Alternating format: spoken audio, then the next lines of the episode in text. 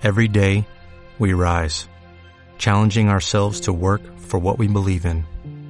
At U.S. Border Patrol, protecting our borders is more than a job, it's a calling. Agents answer the call, working together to keep our country and communities safe. If you are ready for a new mission, join U.S. Border Patrol and go beyond. Learn more at cbp.gov/careers.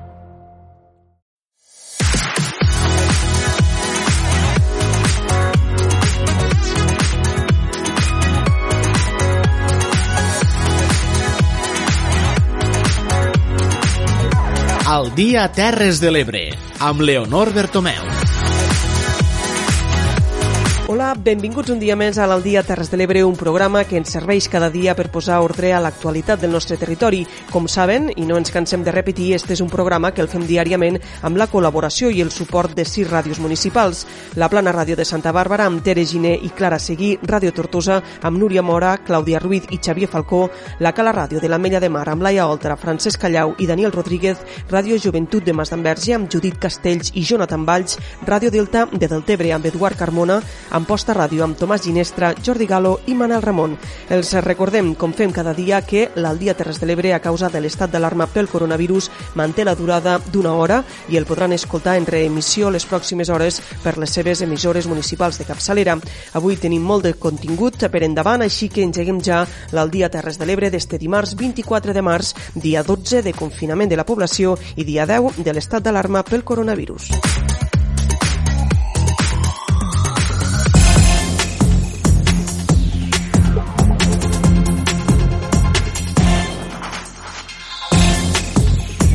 Comencem, com sempre, amb el repàs als titulars de la jornada. Salut ha confirmat sis nous positius per coronavirus a les Terres de l'Ebre.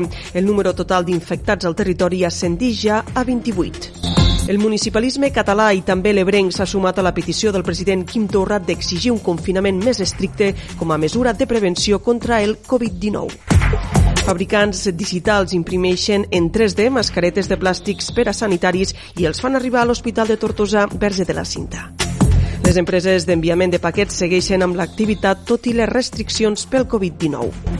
El Banc de Sang necessita donacions per mantenir les reserves. Avui hi haurà una campanya a l'Ametlla de Mar que ha superat les expectatives d'inscrits. I a la ràpida, l'Ajuntament ha endurit les mesures de seguretat i control dels desplaçaments davant la propagació del coronavirus i Santa Bàrbara desinfecta les zones més concorregudes del poble. Pel que fa a l'àmbit de la cultura, destaquem que la Biblioteca Comarcal Sebastià Joan Arbó penjarà dos dies a la setmana un conte per als més menuts de casa a través de Facebook i Instagram. I una conseqüència més del coronavirus, l'agrícola del Camp de Santa Bàrbara anula la seva Junta General. Estos són els titulars d'avui dimarts 24 de març.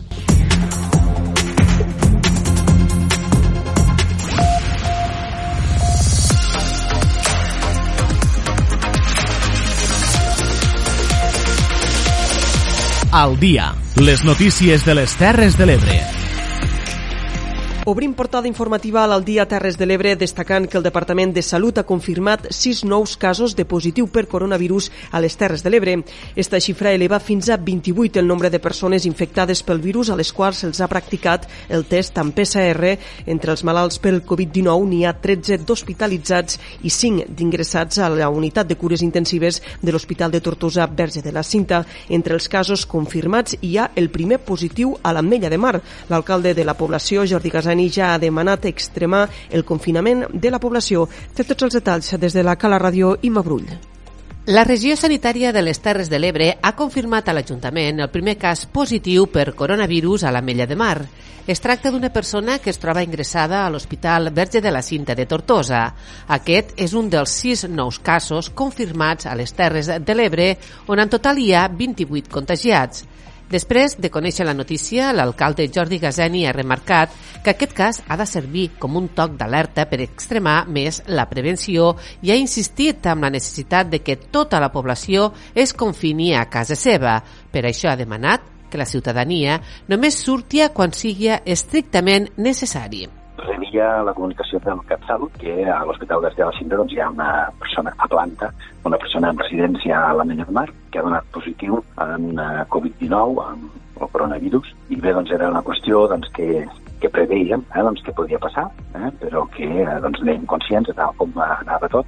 I bueno, el que hem de fer doncs, és eh, fer-ho com ho fem ara, que ho fem molt bé, que és eh, confinar-nos, confinar-nos a casa, quedar-nos a casa i, eh, i ser molt conscients de que eh, si podem anar a comprar una vegada a la setmana, millor que no sortir cada dia.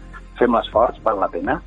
La millor manera de que eh, ens passi de llarg este coronavirus és quedar-nos a casa. Eh? I des de l'Ajuntament ens farem, eh, prendrem totes les mesures que estiguen al nostre abast i vam dir que no escalfaríem recursos ni, ni esforços per a poder ajudar a contenir, a vèncer eh, doncs, aquesta situació que tenim, eh, que ens toca viure. En aquest sentit, es continuen realitzant controls policials per evitar desplaçaments no justificats. D'altra banda, l'Ajuntament recorda que ofereix un servei d'ajuda a domicili a les persones que formen part dels col·lectius de risc. També s'ha reforçat la neteja i desinfecció de la via pública, així com de les illes de contenidors.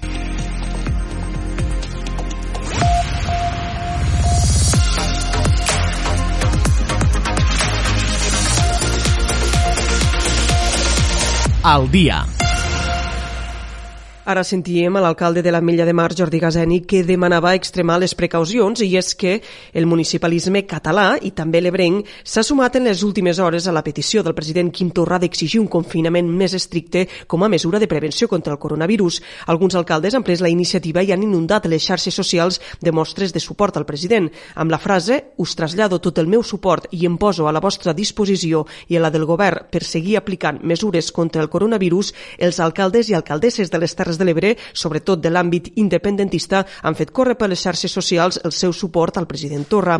Entre els alcaldes i alcaldesses que s'han posat a disposició de Torra hi ha, per exemple, Meritxell Roger, de Tortosa, Lluís Soler, de Deltebre, Josep Antoni Navarro, de Camarles, Jordi Gazeni, de la Mella de Mar, Joan Roig d'Alcanà, Xavier Royo, de l'Aldea, Enric Adell de Pauls, Montse Perelló de Tivissa, Carles Luz de Gandesa, Francesc Barbero de Flix o Víctor Ferrando de Jesús, entre d'altres. A més, cal afegir també que les associacions municipalistes de Catalunya Catalunya, encapçalades per l'Associació Catalana de Municipis i la Federació de Municipis, van fer publicar un manifest per exigir un confinament més estricte de la població i la flexibilització de les directrius de la regla de la despesa i l'estabilitat pressupostària, per tal que els ajuntaments puguen mobilitzar el superàvit del 2019 per combatre la crisi del coronavirus. Més endavant abordarem aquesta qüestió amb el president de la CM i alcalde de Deltebre, Lluís Soler, que passarà pels micròfons de l'Aldia Terres de l'Ebre.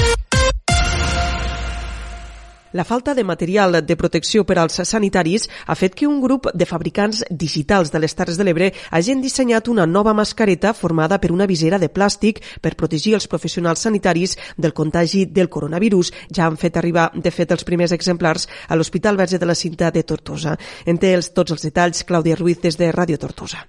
Es tracta d'una visera de plàstic, un model molt més senzill que les mascaretes quirúrgiques, però que permet que es puguin imprimir en 3D i, per tant, que es puguin produir molt més ràpid. De fet, la seva impressió tarda una mitja hora i la visera es munta en 10 segons. Dissabte, des de CatSalut es va autoritzar aquest prototip i des de llavors ja han enviat una quarantena a l'Hospital Verge de la Cinta de Tortosa. El grup de makers, fabricants digitals de l'Ebre, preveuen que en podran produir unes 500 en els pròxims dies, però necessiten més materials. Per aquest motiu, fan fan una crida a tota la ciutadania que els puguin abastir amb plàstic i bobines de fil. Jaume Bel és un dels fabricants. Ens consta que totes les mascaretes sanitàries dels hospitals van molt acaçades, eh, no tenen guants, no tenen res, i les mascaretes imprimides en 3D potser ara per ara és l'única alternativa que hi ha per a proveir eh, EPIs, que són els equipaments proteccions de, de protecció. I quan se acaba el material no hi haurà ni mascaretes segures ni de l'altre tipus.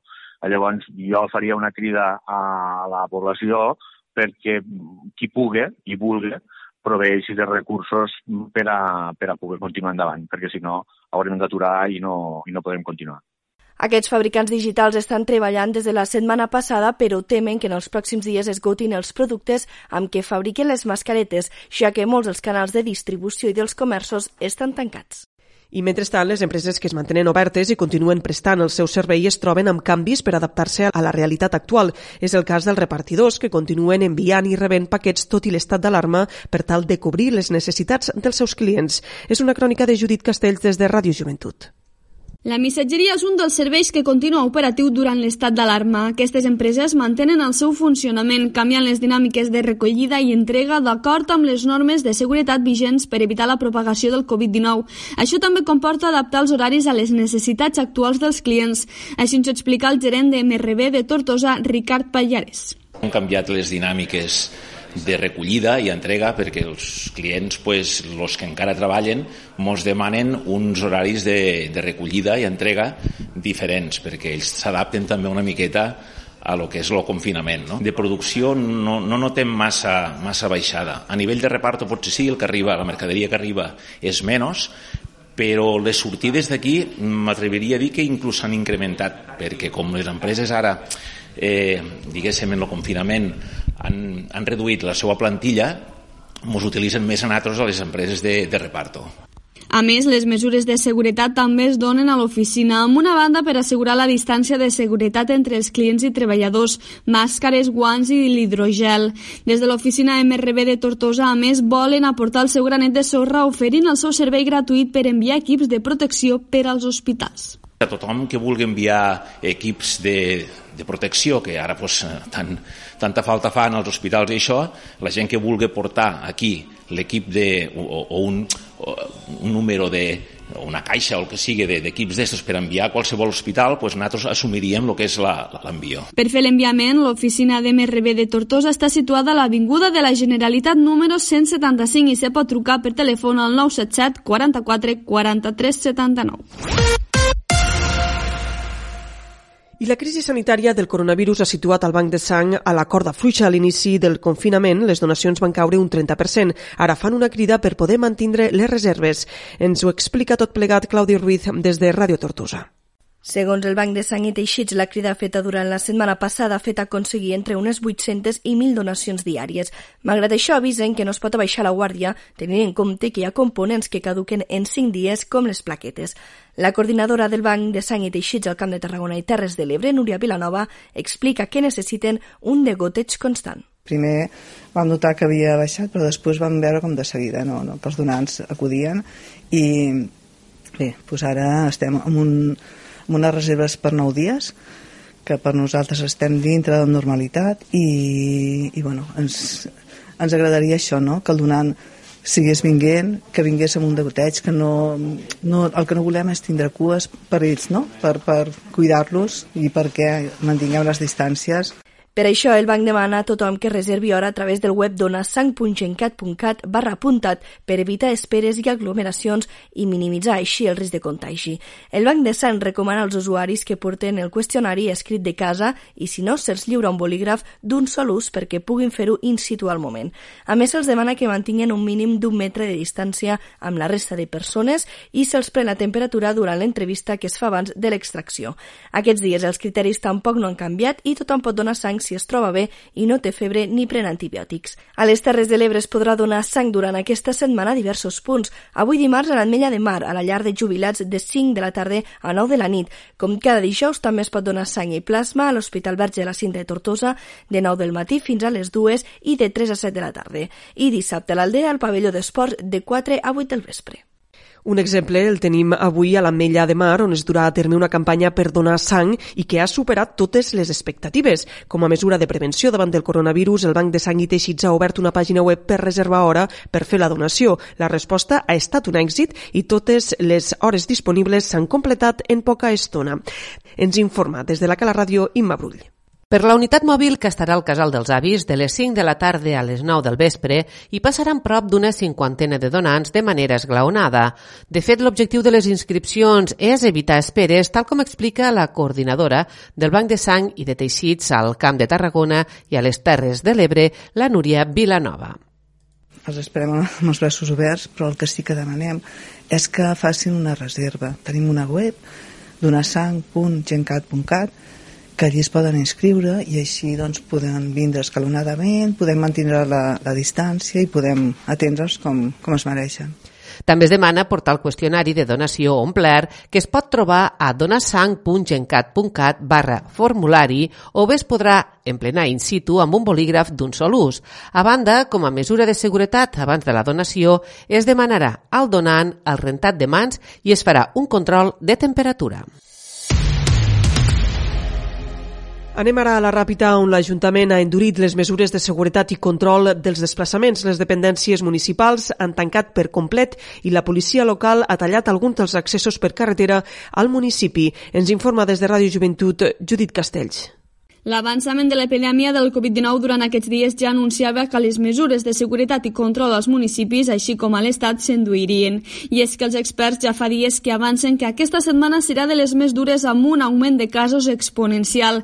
És per això que des de la Comissió de Seguiment de la Crisi del Coronavirus de la Ràpita s'ha decidit endurir les mesures per tal de limitar al màxim els desplaçaments de la ciutadania. De fet, totes les dependències de l'Ajuntament tanquen al públic després que aquest dilluns s'hagi aprovat un decret d'alcaldia que ordena realitzar l'atenció ciutadana únicament de forma telefònica i telemàtica.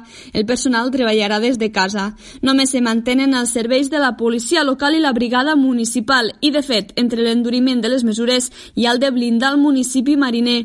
Parla l'alcalde de la Ràpita, Josep Caparrós. Per part de la policia local eh, s'està fent un estudi pertinent per a, per a tancar eh, els accessos al poble de la Ràpita, minimitzar eh, les sortides i entrades al poble de la Ràpita, molt probablement només tindrem eh, dos, tres entrades i sortides al nostre poble. Eh, D'esta manera serà també més fàcil controlar per part de la policia eh, els, els, la mobilitat, eh, les arribades i les sortides del nostre poble, perquè entenem que hem de fer tots esforços per a controlar eh, l'evolució de l'epidèmia del coronavirus al nostre municipi. A més, Caparrós demana a la ciutadania ser responsable i no sortir de casa perquè la millor medicina que tenim en aquests moments precisament és quedar-nos a casa, confinar-nos a casa, evitar tots els desplaçaments innecessaris, inclús tots aquells desplaçaments que considerem que els podem posposar millor, L'alcalde fa una crida a la ciutadania de la Ràpita a seguir resistint davant les setmanes que encara queden per superar aquesta greu crisi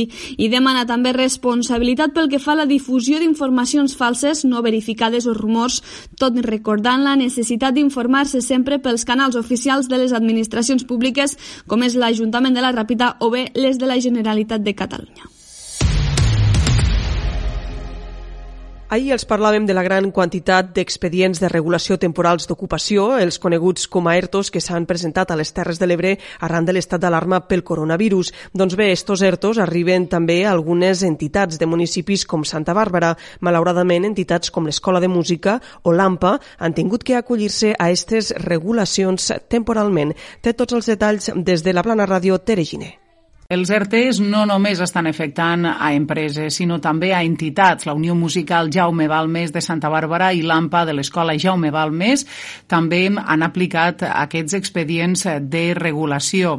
D'una banda, ja s'han firmat nou ERTOs de professors de música de la Unió Musical, així com set treballadors que ofereixen extraescolars a l'Escola Jaume Balmes, dos dels quals són de les professores d'anglès, qui treballaven menys hores. Hauran de cobrar de l'atur l'atur mentre duri l'estat de quarantena. Una decisió que no satisfà els caps d'aquestes entitats. Per això demanen comprensió i paciència, ja que de moment no es pot fer teletreball. Escoltem la presidenta de l'AMPA de l'Escola Jaume Balmes, Núria Arroyo. Ah, clar, nosaltres no podem fer teletreball, no podem atendre a, a, als nostres, els nostres serveis amb teletreball, ni el menjador ni, ni les extraescolars i vam preguntar a la gestoria i, i l'únic que podíem fer és fer, fer un ERTE. Ens ha sapigut molt de greu per la Junta perquè sabem que aviam, a ningú li agrada que, que te traguin de la faena, saps? Però és l'única manera que l'entitat com a entitat no ha de pagar els sous i elles podran cobrar del paro, de l'atur, des del, des de l'endemà, del dia Recordem que aquests ERTOs són temporals eh, fins que finalitzi aquest període de confinament.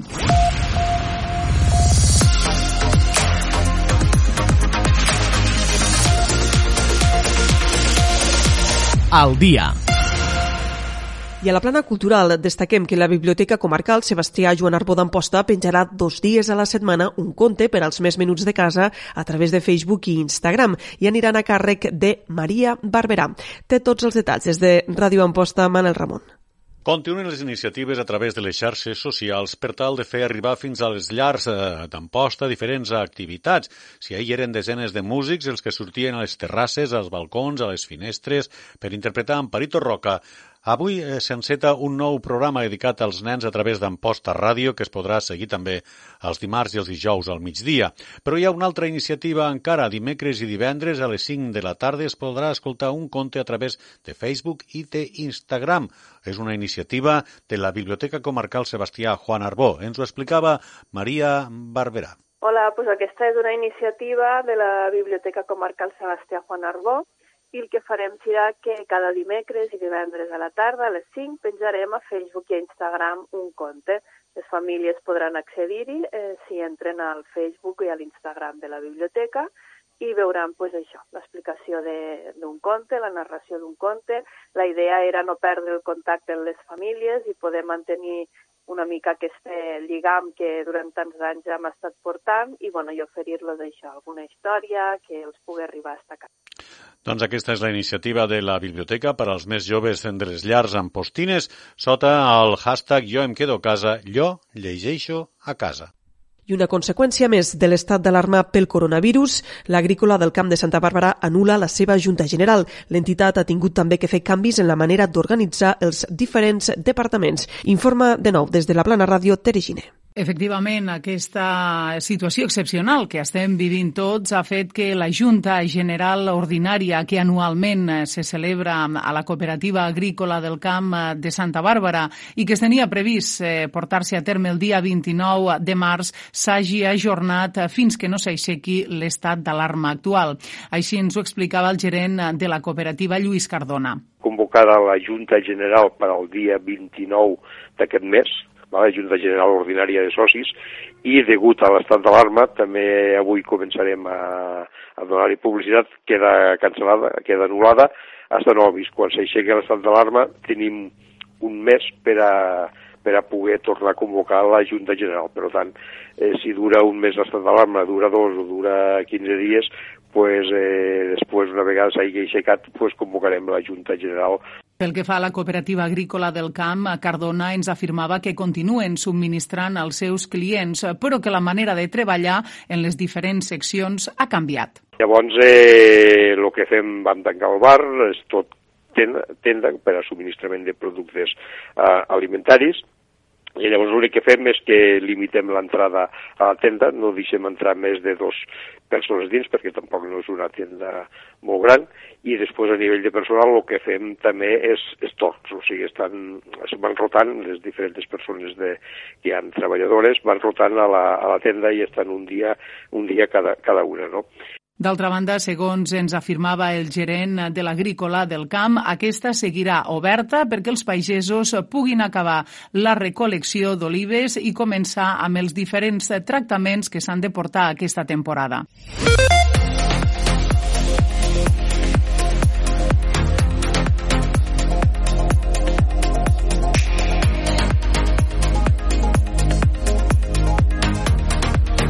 Seguim endavant al dia Terres de l'Ebre. Ahir ja els vam dir que dedicaríem esta setmana a saber com els municipis de casa nostra estan afrontant la crisi sanitària, econòmica i social del coronavirus. Avui és el torn de Deltebre i per això tenim al telèfon a l'alcalde d'esta població del Delta i també president de l'Associació Catalana de Municipis, Lluís Soler. Bon migdia. Hola, bon migdia. Abans d'entrar en les polítiques que a nivell municipal ha pres del Tebre per fer front a la situació derivada de l'estat d'alarma, ahir el món del municipalisme català, amb l'Associació Catalana de Municipis, entre d'altres entitats al capdavant, vau fer públic el manifest Aturem el Covid-19, en el qual llanceu des dels municipis dos missatges molt clars. En primer lloc, que cal un, un confinament més estricte per aturar la pandèmia i, en segon lloc, demaneu la flexibilització de les condicions financeres dels ajuntaments per poder donar resposta a la ciutadania i poder trencar amb la coneguda com, com a regla de la despesa? Pues és, és així, és a dir, l'Associació Catalana de Municipis hem impulsat de forma coordinada en la Federació de Municipis de Catalunya i l'Associació de Micropobles de Catalunya el que seria el manifest Aturem el Covid-19. La veritat és que aquestes últimes setmanes estem vivint eh, una situació eh, sense precedents i les properes setmanes pues, seran setmanes també complicades eh, on veurem pues, que cal trencar d'una forma efectiva i estricta el que seria la cadena de transmissió d'aquest virus que tants estralls està creant a la nostra població, a banda de eh, tota la solidaritat pues, en les víctimes.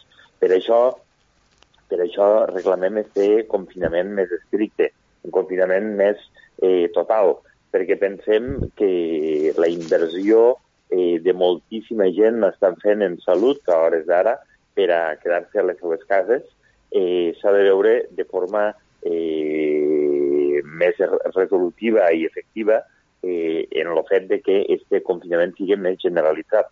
Per tant, el que reclamem pues, és la, la, el que reclamem és la modificació de lo que seria l'article 7 del Real Decret de l'estat d'alarma, el qual eh, permet el desplaçament i, en aquest cas, el que han de garantir, el que hauria de garantir el Real Decret és que més gent se pugui quedar a casa i que se limiten eh, només els serveis essencials, perquè al final, com més gent se quedarà, eh, més inversió en salut farem de forma individual i més èxit col·lectiu podrem fer per a no estar tant de temps en este estat d'alarma que ens provoca pues, a les pròpies unitats familiars una situació complexa, a bé, en aquest cas també, d'estar fins i tot un mes, eh, que si tot eh, va com se preveu, s'acabarà convalidant este procediment.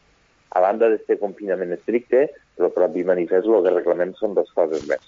Un, eh, el que seria les, adoptar les mesures estructurals a nivell de canvis normatius en règim local, que ens ha de permetre pues, flexibilitzar la regla de la despesa, eh, flexibilitzar el que és la incorporació del superàvit del 2019 o el que seria eh, també la, la derogació eh, de l'anomenada ARSAL o la flexibilització de la contractació laboral o administrativa. Perquè ara el que us passa als ajuntaments una mica és que us trobeu les mans lligades, no?, per poder donar una resposta adequada a la ciutadania, financerament parlant. Clar, al final els ajuntaments som la, la instància pública més propera al ciutadà i, per tant, eh, el que se necessitaria en aquests moments és que este encorsetament que tenen els ajuntaments degut a la normativa d'estabilitat pressupostària dels últims anys eh, que es pugui flexibilitzar, que hem arribat a un moment de compliment màxim dels ajuntaments i no té sentit que a hores d'ara no poguéssim donar resposta i invertir els recursos eh, dels propis ajuntaments allí on toca, donant, en aquest cas, pues, autonomia local, eh, el principi bàsic que, que està, a més a més, constitucionalment reconegut. Per tant, eh, en aquest cas, aquesta modificació normativa que ens de permetre atendre millor a la ciutadania. I un, segon, I un tercer terme, a banda del confinament estricte i de les reformes estructurals per al règim local, eh, jo crec que el manifest també vol deixar de manifest, eh, valgui la redundància, un tercer aspecte, que és que a partir d'ara, i més enllà de les mesures eh, decretades en l'estat d'alarma com a mesures urgents, a partir d'ara eh, tenim dos objectius. Un, vèncer la crisi sanitària, eh, però l'altre també dissenyar aquell pla de reactivació econòmica i social per a refer l'activitat de les empreses i dels comerços i dels petits, eh, de les pimes i dels autònoms, però també per atendre aquelles necessitats post-crisi eh, de les persones més vulnerables eh, de la nostra i dels col·lectius més vulnerables de la nostra societat. Tot això no es pot quedar en un decret de mesures urgents. Això eh, s'ha de treballar des de la corresponsabilitat en el món local, que al final som els que fem d'altaveu eh, de les demandes ciutadanes més properes i que ho vivim dia a dia. Este cap de setmana vostè s'adreçava a la ciutadania de Deltebre en un discurs institucional on va dir que caldrà canviar les prioritats que es van fixar al pressupost del 2020. Com es traduirà això? Caldrà renunciar a certes inversions per fer front a tota aquesta crisi que abans dèiem que no és només sanitària sinó que també social i econòmica? Bueno, pues lo que està clar és que a hores d'ara estem treballant i de forma, de forma molt, molt, molt, eh, molt acurada en el que seria el pla d'acció per a l'any 2020. Eh, nosaltres eh, vam aprovar el pressupost com a Ajuntament de Deltebre el novembre de l'any passat i, per tant, tenim un cull de ruta per a 2020 fixat. Este 2020 eh, ens ve condicionat per moltíssimes coses. Ens ve condicionat per uns temporals davant de final d'any que ens van fer fer unes despeses que a hores d'ara no han sortit ni convocatòria per poder eh, demanar a la Generalitat ni a l'Estat eh, aquestes despeses aquest pressupost ens ve condicionat per una dotació d'uns ingressos que havien de vindre al voltant de 600.000 euros d'obres que havien fet el 2018 i que encara hem d'acabar d'executar el 2018, dels aiguats també del 2018, que ara també ens diuen que no es confirmen aquests diners.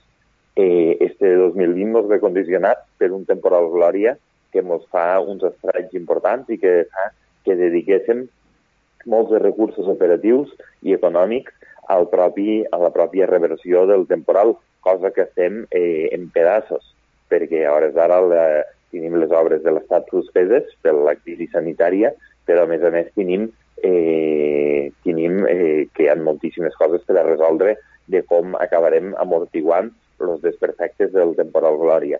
I ara tenim una crisi sanitària global sense precedents que al municipi del Tebre, eh, malgrat avui per avui no tenim infectats, sí que tenim les conseqüències d'aquesta parada econòmica i social del propi municipi, que això eh, ens implica pues, que haurem de redefinir les accions, haurem de redefinir el full de ruta per a aquest 2020 i haurem de renunciar pues, a certes coses que teníem previstes per a poder fer front a allò que eh, en el tema dels temporals les pròpies administracions catalanes i espanyoles no estan, eh, no estan fent com toca i pel tema de la crisi sanitària esperem que sigui el mínim imprescindible. Però el que està clar és que l'Ajuntament de Deltebre, quan passi aquesta crisi sanitària, eh, ha de formar part d'aquest pla de xoc social i econòmic a les empreses, als comerços, a les persones i als col·lectius que ho necessiten. Eh, no seria d'una altra manera que diguéssim pues, que eh, anem a fer una inversió de les que teníem programades i que deixem d'atendre eh, situacions econòmiques o socials eh, de les que obligatòriament no, i per deure moral hem d'atendre i més després d'aquesta crisi sanitària eh, d'aquesta crisi sanitària que estem vivint en aquests últims dies i en el context, com dic, de mm-hmm. tres temporals, la Glòria per, per definició com a, com a exemple d'excel·lència de lo que no havia passat en els últims anys i que ens ha creat aquests estranys, però també d'altres dos en expectatives eh, econòmiques que no s'han fonamentat per part de les ajudes de l'Estat i la Generalitat. De moment, el Tebre ha aprovat ja 22 mesures per fer front a la crisi. Per una banda, donar resposta a les situacions de vulnerabilitat de gent gran, de gent dependent, i per l'altra, el que deies ara, no? donar resposta al teixit comercial, de restauració, al sector turístic, que han hagut de, de baixar la persiana d'un dia per a l'altre. I un sector molt important a Deltebre. Un sector molt important i un sector que pateix, un sector que dies abans de passar el tema de la eh, perdó, digues abans de passar el tema de l'inici de la crisi sanitària del Covid-19, estàvem eh, parlant eh, de com podíem refer eh, les expectatives eh, pel que feia al tema de l'Glòria, perquè havia hagut una caiguda de les reserves i una caiguda de lo que és l'operativa d'expectativa econòmica i empresarial del sector turístic i de serveis del municipi i del propi Delta. Eh, això ens ha agafat eh, mig ha saltat per el tema del Covid-19. Per tant, jo crec que Eh, la campanya de Setmana Santa és una campanya que es donarà per, per, per perduda abans de començar-se per tot el tema de la crisi sanitària, però el que no podem és que hem de buscar els mecanismes per a que a l'estiu, per lo menos, eh, poguéssim, eh, si tot va com hauria d'anar, pues que poguéssim, eh, per lo menos, amortiguar este, esta mala situació eh, provocada per la crisi sanitària que estem vivint, però també per la glòria eh, del passat mes de gener. Per tant, eh, l'Ajuntament ha anunciat una sèrie de mesures, que són mesures d'entrada de xoc, per a, per a donar una certa tranquil·litat a les empreses, als comerços, a les persones, als col·lectius, per a deixar-los clar que la nostra voluntat és estar al costat, com no pot ser d'altra forma.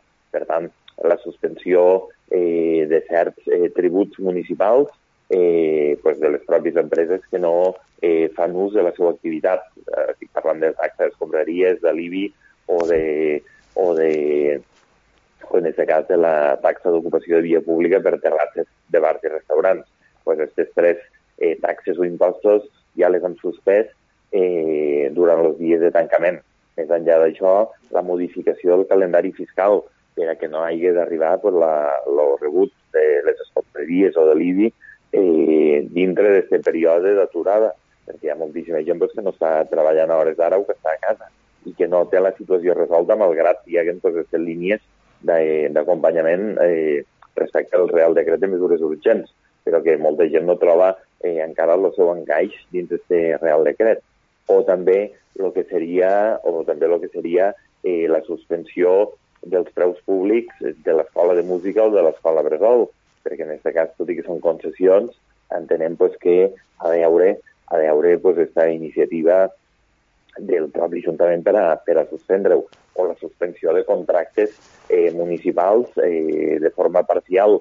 Eh, L'altre dia veia les xarxes socials que criticaven pues, que estaven netejant les papereres del passeig del, del passeig del riu. Del, eh, les papereres s'han de netejar, per tant no podem suspendre els contractes eh, al 100%, hem de suspendre els contractes eh, en la justa mesura per tal que les tasques de desinfecció dels espais públics, malgrat eh, hi hagi la instrucció que no es pugui anar als espais públics, eh, però que es puguen estar desinfectats i per tant això és un tema de salubritat mínima i a més a més un tema d'intentar trencar la, la propagació d'aquest Covid-19.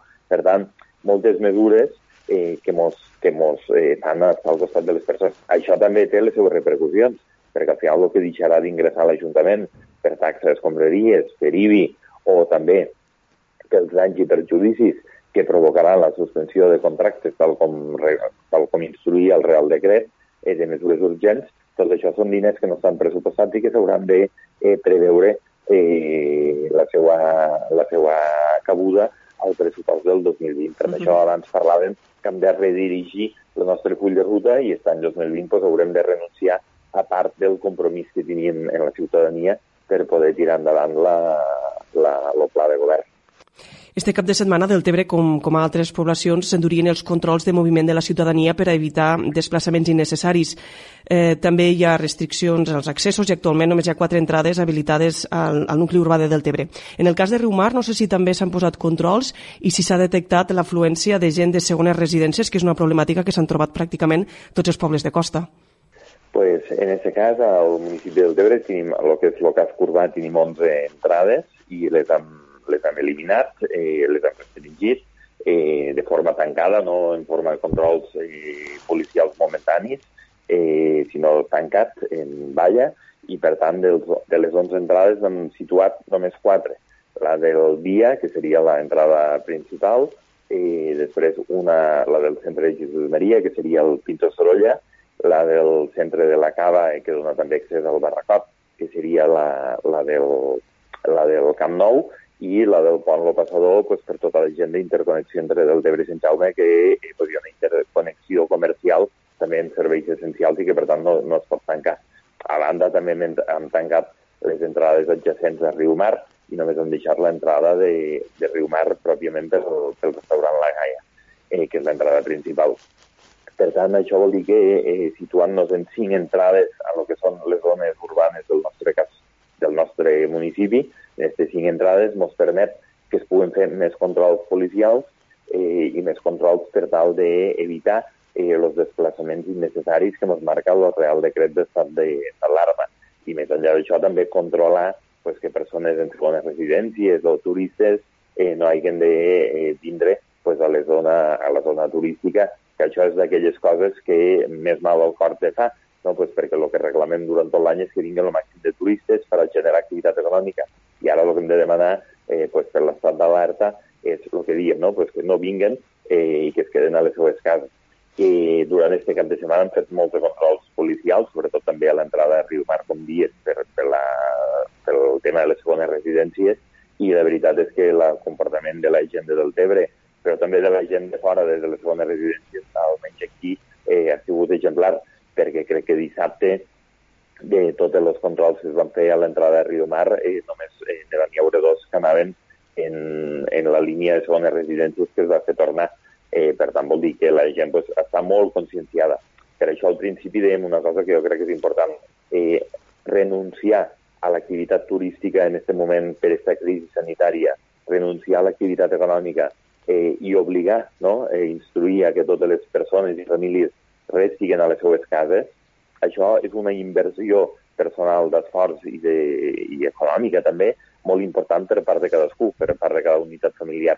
Per tant, el que val la pena és que aquest confinament eh, no sigui un confinament eh, en moltes excepcions, sinó que sigui un confinament eh, més, eh, lo més, lo de més cobertura possible i el més estricte possible, perquè si podem estar eh, un mes, no hem d'estar un mes i mig, i si podíem estar 15 dies, no calia estar un mes.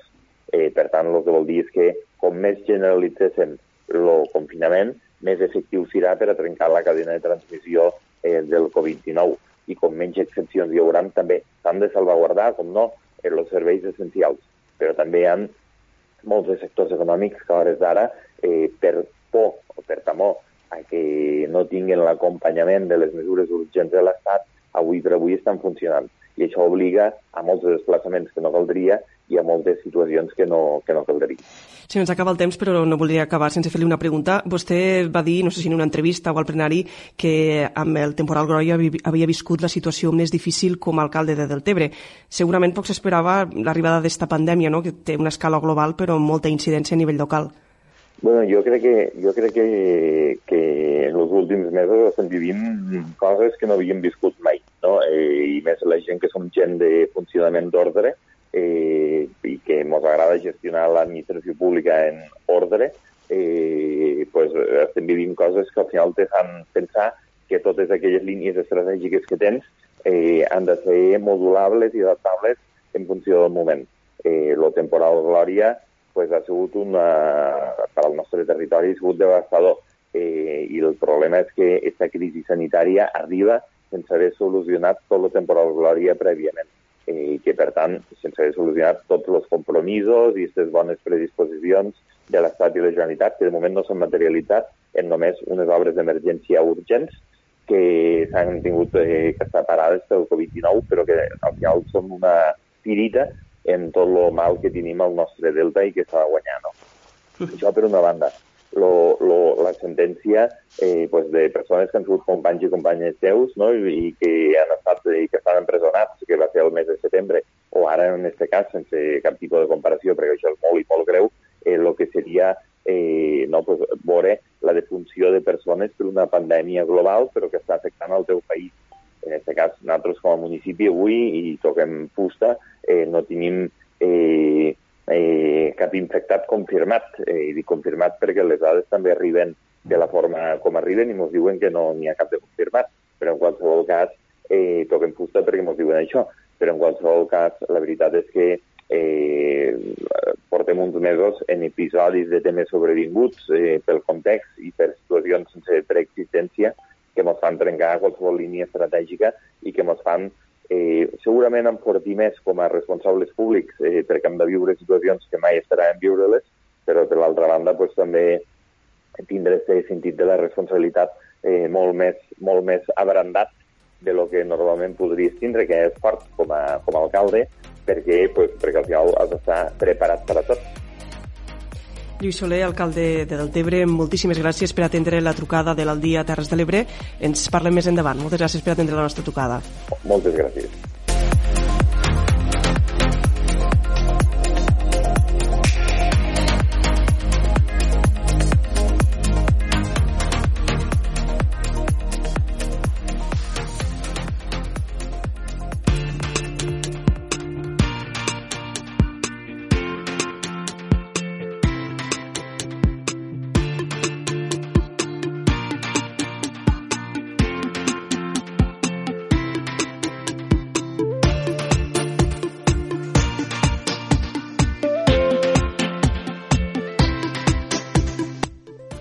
Més anem a la Plana Ràdio on Tere Giner ens porta cada dia aquest espai de psicologia amb Assumpta Arassa. Endavant, Tere, quan vulgues. Avui, a l'espai de psicologia en temps de coronavirus, ens posem eh, les eh, ulleres positives. Eh? És una proposta que ens fa la psicòloga Assumpta Arassa, ja sabeu que ella és psicòloga general sanitària, de veure les coses amb positivisme, tot i que no sé, Assumpta, com anirà això quan la gent eh, no és gaire positiva i les circumstàncies són adverses com les d'ara. Benvinguda, Assumpta, molt bon dia. Hola, bon dia. Eh, la teva proposta, precisament, és, eh, en aquests temps, una mica és aquesta adaptació eh, d'un exercici que ens portes i que ve de la psicologia positiva, en el que es tracten aquestes emocions positives i negatives. Però eh, a l'hora de començar crec que estiria bé parlar una miqueta d'aquest estat anímic i de com interpretem no, les coses que ens passen. Sí, de fet, um, és una mica complicat, uh, perquè quan nosaltres pensem, pensem que pensem normal, vull dir que pensem bé, però realment una, per, uh, està bastant estudiat que parti, patim un, ser, uh, un, alguns viatges. Això vol dir que si estic molt feliç i molt alegre i surto al carrer, tot ho veig molt bonic. En canvi, si estic trista i surto al carrer, les, els, els mateixos estímuls que estic rebent eh, els interpreto com a coses tristes. No? Això és molt fàcil de detectar. Si estàs molt, molt, molt bé o molt enamorat, surts al, surts al carrer i veus el sol, a, a les floretes del balcó de la veïna, vull dir, veus aquestes coses que, que dius, oh, que bonic és, i en canvi si tens l'ànim pel, pel terra, surts al carrer i veus pues, el cotxe que l'han ratllat o, o aquella casa que, que, que no està ben, o sigui, que li comença a tenir humitat i se li cau una mica la pintura. És a dir, que tot i que percebem la realitat i tan real és una cosa com l'altra, eh, ens orientem a, a mirar i a percebre allò que se diu amb, a, amb el nostre estat anímic. Clar, de totes maneres, Assumpta, eh, això que comentes és veritat, tot depèn una mica del nostre estat anímic, però a banda d'això hi ha gent que sempre és, que sempre té tendència a ser molt positiva i a veure les coses eh, meravelloses, hi ha gent que té tendència a, a veure les coses sempre d'una manera negativa. Davant això es pot fer alguna cosa? A veure, eh, nosaltres, a part de, de moltes coses, som com una fàbrica química. Llavors s'ha relacionat molt aquest optimisme amb, amb certs components químics eh, i sobretot la majoria de gent coneixerà el que es diu la serotonina. La serotonina és un tipus de neurotransmissor molt implicat eh, en, en l'estat del benestar, no? en sentir-te bé en, en tu mateix i amb els altres.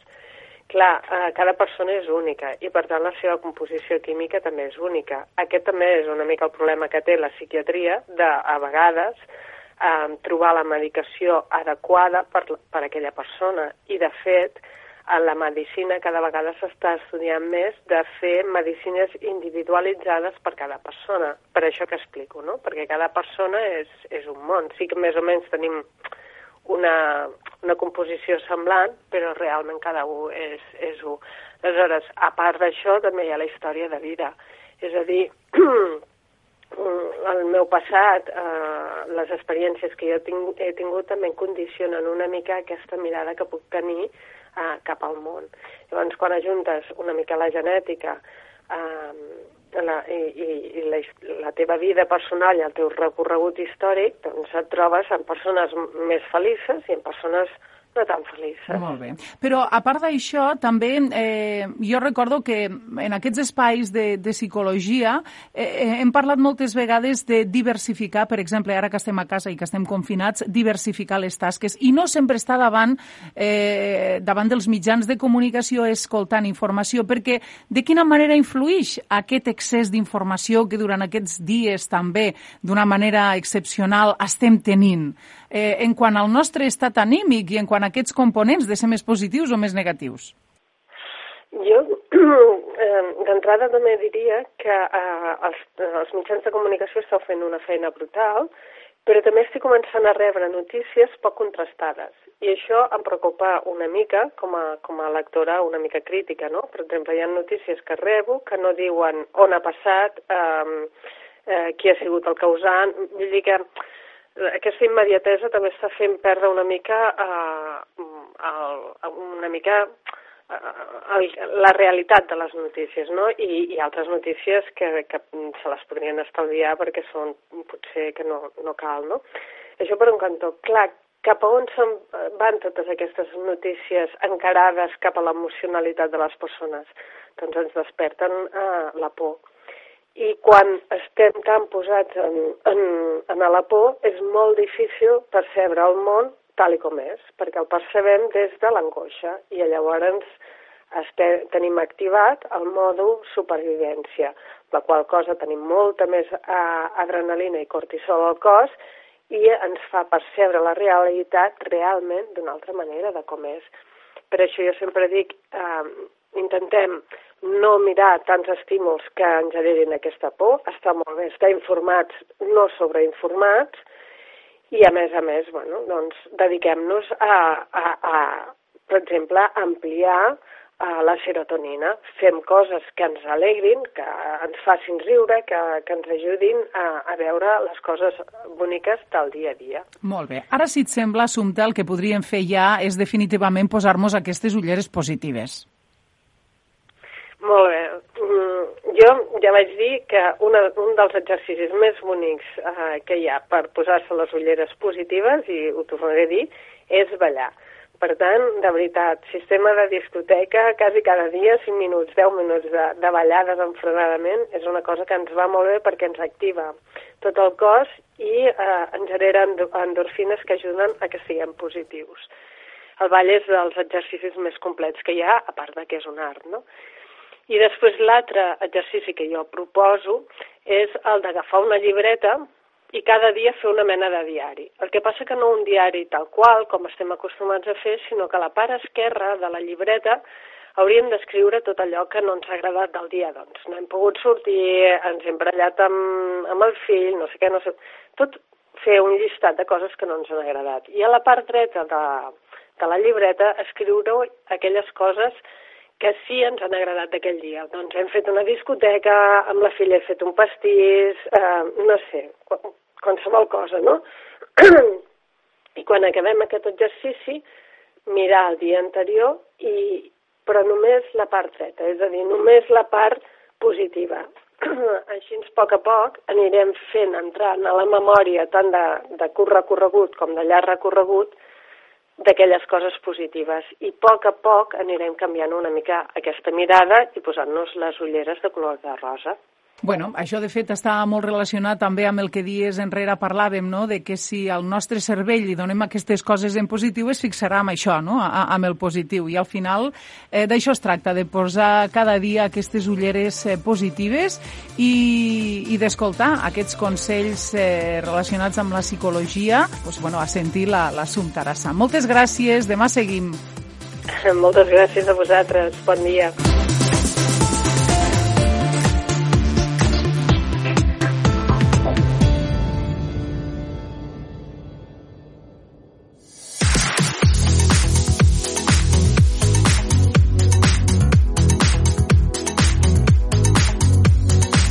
Acabem explicant-nos una imatge que els darrers dies s'ha repetit en molts centres sanitaris del país i que és l'homenatge de reconeixement mutu que s'han fet les forces de seguretat i els professionals sanitaris, dos puntals fonamentals en esta crisi sanitària del coronavirus. El passat diumenge al vespre, este homenatge es va fer a l'Hospital Verge de la Cinta de Tortosa. Per una banda, diverses patrulles dels Mossos d'Esquadra i la policia local de Tortosa van arribar a l'hospital fent sonar les sirenes en homenatge a la feina dels professionals de la salut ple creixement del nombre d'ingressats per coronavirus i allà, a les portes de l'hospital, els esperaven els sanitaris amb aplaudiments i fent-los un passadís. Un cop van aturar-se les sirenes, uns i altres van començar a aplaudir-se mútuament. Amb la imatge d'este reconeixement als professionals de la seguretat i sanitaris posem el punt i final a l'edició d'avui dimarts 24 de març de l'Aldia Terres de l'Ebre, un programa que, com saben, el fem de forma conjunta les emissores municipals de la Plana Ràdio, Ràdio Joventut, Ràdio Delta, la Cala Ràdio, Ràdio Amposta i Ràdio Tortosa. Res més, ens retrobem demà puntualment a la una del migdia. Ja saben que a partir d'ara esta edició de l'Aldia Terres de l'Ebre la podran escoltar en reemissió a les seves emissores municipals de capçalera. Això és tot. Fins demà. Que passen un molt bon dia.